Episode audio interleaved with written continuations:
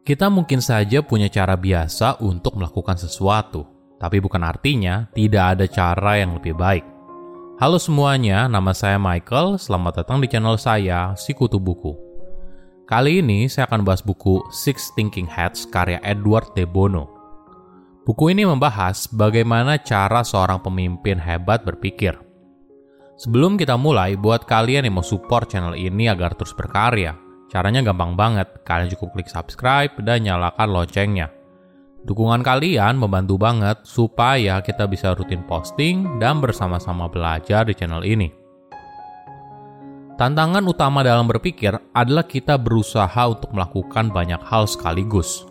Perasaan, informasi, logika, harapan, dan kreativitas berkumpul di dalam pikiran. Ibaratnya, kita sedang melakukan juggling dengan terlalu banyak bola. Ketika menghadapi sebuah masalah, kita mungkin punya cara biasa yang kita lakukan untuk mencari solusinya. Nah, bagaimana kalau kita bisa menciptakan cara yang lebih baik, efisien, dan mudah? Ini adalah metode Six Thinking Hats yang diperkenalkan oleh penulis. Saya merangkumnya menjadi tiga hal penting dari buku ini. Pertama, metode Six Thinking Hats. Apa pendekatan yang biasa kamu lakukan ketika membuat sebuah keputusan? Jika kamu secara alamiah merupakan orang yang optimis, kemungkinan besar kamu tidak selalu mempertimbangkan konsekuensinya dari keputusan yang kamu ambil. Sama halnya jika kamu terlalu hati-hati, kamu mungkin kehilangan peluang yang muncul. Apa pun yang dikatakan intuisi atau suara kecilmu, Keputusan terbaik sering kali muncul ketika kamu sudah mencoba berbagai cara untuk melihat sebuah masalah. Tentunya tidak ada keputusan yang benar, tapi yang ada adalah keputusan yang lebih baik. Setiap keputusan yang kamu ambil tentunya ada konsekuensi, ada hal positif dan hal negatif. Namun, apakah semua hal itu sudah kamu pikirkan matang-matang? Atau kamu hanya terjebak pada pendekatan yang biasa kamu lakukan?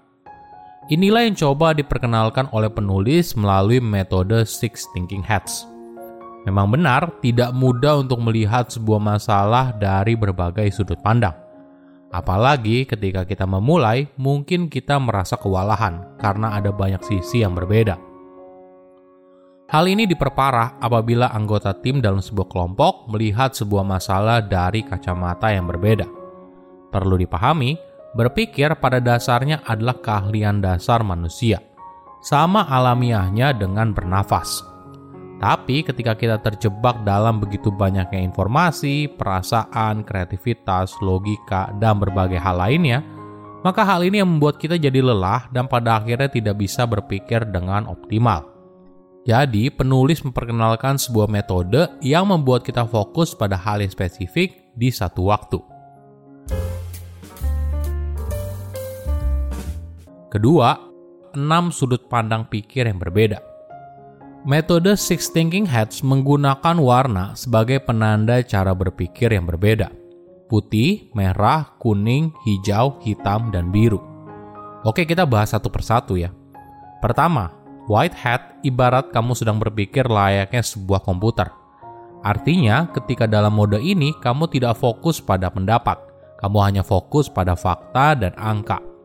Biasanya white hat digunakan di saat awal diskusi untuk memberikan latar belakang agar setiap orang punya pemahaman yang sama. Tapi bisa juga digunakan di akhir untuk membuat sebuah kesimpulan atau untuk mengkonfirmasi keputusan yang sudah dibuat.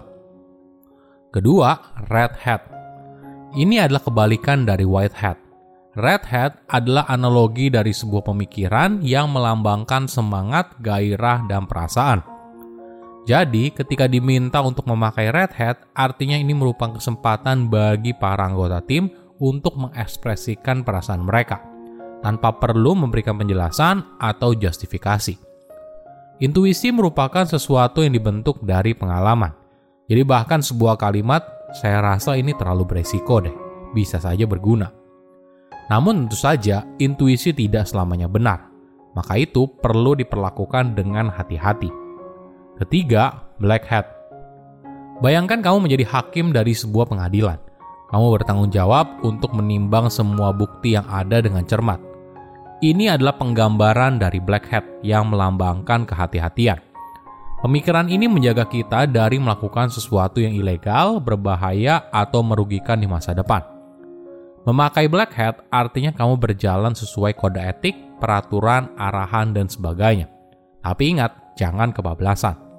Karena jika kamu terlalu hati-hati, mungkin saja kamu kesulitan melihat gambaran yang lebih luas. Keempat, yellow hat. Apakah kamu pernah merasa dunia begitu indah dan kamu bisa mendapatkan apa yang kamu inginkan? Momen itu muncul ketika kamu menggunakan yellow hat yang melambangkan optimisme. Yellow hat tidak mudah karena secara alamiah kita selalu melihat tanda bahaya untuk bertahan hidup. Jadi sebagai latihan, kita perlu mencari hal positif bahkan dari sesuatu yang awalnya terlihat negatif. Kelima, green hat. Ini saatnya untuk kreatif. Green hat adalah soal ide baru, konsep, dan alternatif. Artinya, kamu berusaha mencari sesuatu yang berbeda dari yang sudah ada, keluar dari status quo. Green hat artinya Green hat membuat kita melihat segala kemungkinan di masa depan. Karena tanpa adanya visi kreatif untuk masa depan, maka tidak akan ada kemajuan. Terakhir, blue hat. Blue hat adalah soal kontrol proses sepanjang waktu. Ibaratnya, blue hat mengawasi semua hal yang ada. Biasanya Blue Hat dikenalkan oleh fasilitator, moderator, atau pemimpin dalam sebuah sesi. Mereka punya tanggung jawab untuk menentukan jalannya sebuah diskusi agar terarah dan bisa mencapai hasil yang diharapkan.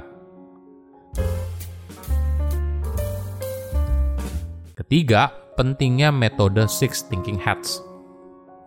Manfaat utama metode Six Thinking Hats adalah membantu setiap orang di dalam grup untuk bisa berpikir dengan cara yang sama Kenapa hal ini penting? Coba bayangkan kamu dan rekan satu tim sedang berkumpul di sebuah rumah yang besar. Ada satu orang berdiri di depan, ada yang berdiri di taman belakang, ada yang di atap, ada yang di ruang makan, dan sebagainya. Setiap orang punya sudut pandang yang berbeda dari rumah itu. Dari samping, rumah itu terlihat begitu panjang. Sedangkan dari depan, rumah itu terlihat pendek. Nah, setiap sudut pandang itu ibaratnya adalah topi yang berbeda. Jadi coba bayangkan apabila setiap orang melihat sebuah masalah dari perspektif yang berbeda. Tentunya akan sulit mencapai sebuah kesepakatan karena masing-masing punya pemikiran sendiri soal rumah tersebut. Jadi, agar efektif, setiap tim perlu belajar untuk menggunakan topi tersebut dalam satu waktu atau secara berurutan. Hanya ketua kelompok atau pemimpin yang bisa mengubahnya. Tentunya tidak ada topi yang lebih baik daripada yang lain, setiap topi yang dijelaskan dalam metode ini punya waktu terbaik dalam menggunakannya. Apa manfaat dari menggunakan metode Six Thinking Hats? Yang paling utama adalah kita bisa membuat keputusan yang lebih baik. Tapi di sisi lain ada banyak manfaat. Kita jadi berpikir lebih sistematis, kita menjadi lebih percaya diri ketika membuat sebuah keputusan, karena kita tahu kalau kita sudah mempertimbangkan semua sisi dengan baik. Tambah lagi, kita jadi punya kerjasama tim yang baik. Kenapa? Karena kita tidak fokus pada pemikiran masing-masing, tapi dari awal kita berusaha menyamakan persepsi, barulah bisa brainstorming dengan sudut pandang yang dibahas. Silahkan komen di kolom komentar pelajaran apa yang kalian dapat ketika baca buku ini. Selain itu, komen juga mau buku apa lagi yang saya review di video berikutnya. Saya undur diri, jangan lupa subscribe channel YouTube Sikutu Buku. Bye bye.